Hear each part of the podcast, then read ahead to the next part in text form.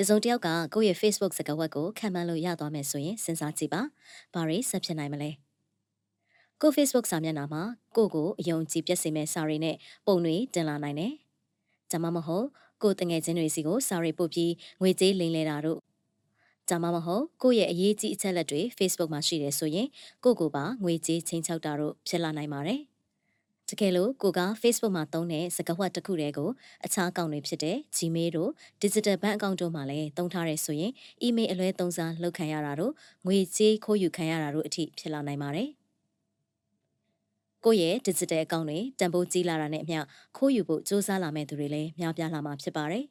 ။အဲဒီတော့ကိုယ့်ရဲ့ digital အကောင့်တွေကိုခိုင်မာတဲ့စကားဝတ်တွေနဲ့ကာကွယ်ထားဖို့အရေးကြီးလာပါတယ်။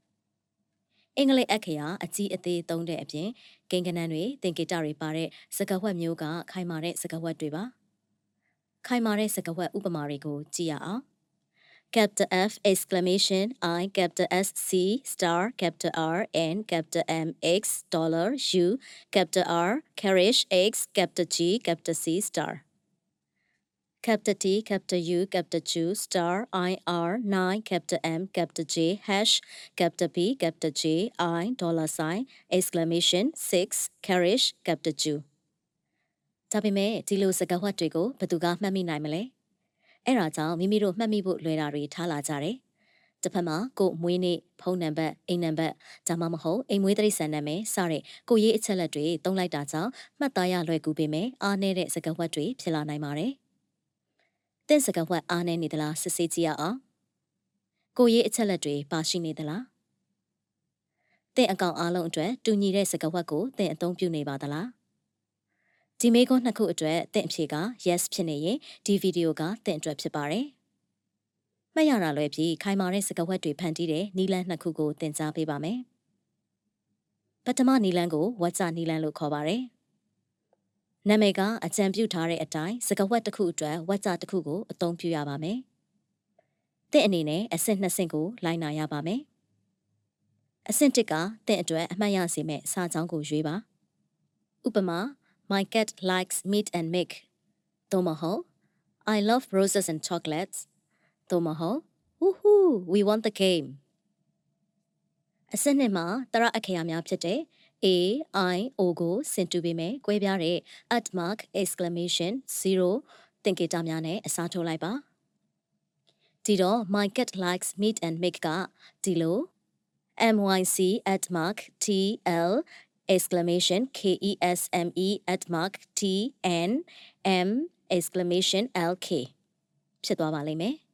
ကြပါပဲဖန်တီးရတာရောမှတ်သားရတာပါအလွန်လွယ်ကူပေမဲ့ခိုင်မာတဲ့စကားဝတ်ဖြစ်လာပါတယ် ဒီသင်္ကေတတွေပါတဲ့ဝါကျစကားဝတ် MYC at mark TL exclamation KESME at mark TN M exclamation LK ကဒီလိုမျိုးရှုပ်ထွေးတဲ့ဝါကျမဖြစ်သေးတဲ့စကားဝတ်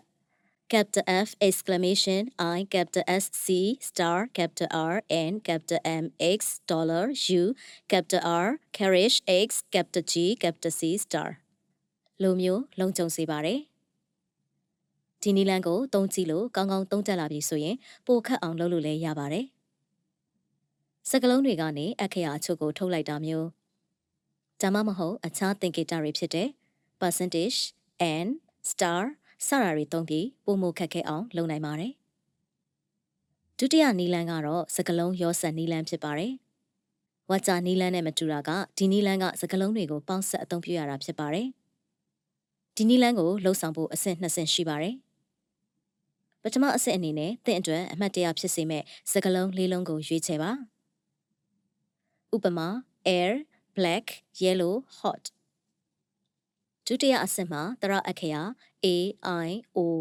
ကိုစင်တူတဲ့ at mark exclamation 0တရအခရာများအဖြစ်ပြောင်းရပါမယ်